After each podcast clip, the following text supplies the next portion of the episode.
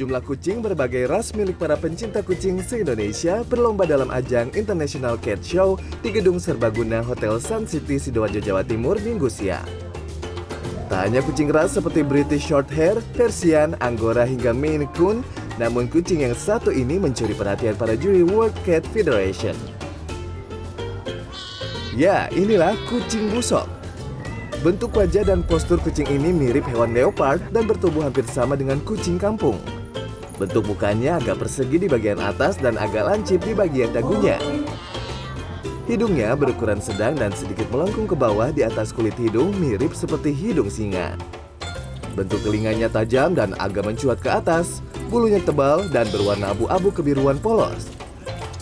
Kucing busok ini kini menjadi salah satu kucing primadona para pencinta kucing.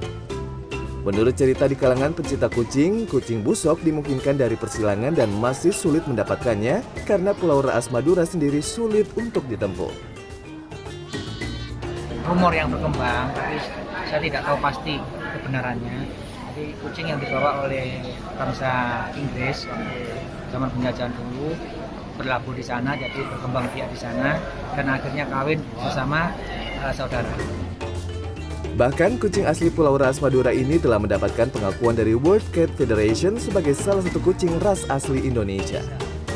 Dan pada saat ini kami sudah berhasil membawa kucing busok ini terdaftar atau terregistrasi di World Cat Federation. Dan kami juga sudah bisa mengeluarkan sertifikat silsilah untuk kucing busok ini dengan kode RIX. Meski tampak seperti kucing kampung, kucing busok ini saat ini dihargai 2 juta hingga 3 juta per ekornya. Riko Ardiansyah, Sidoarjo, Jawa Timur.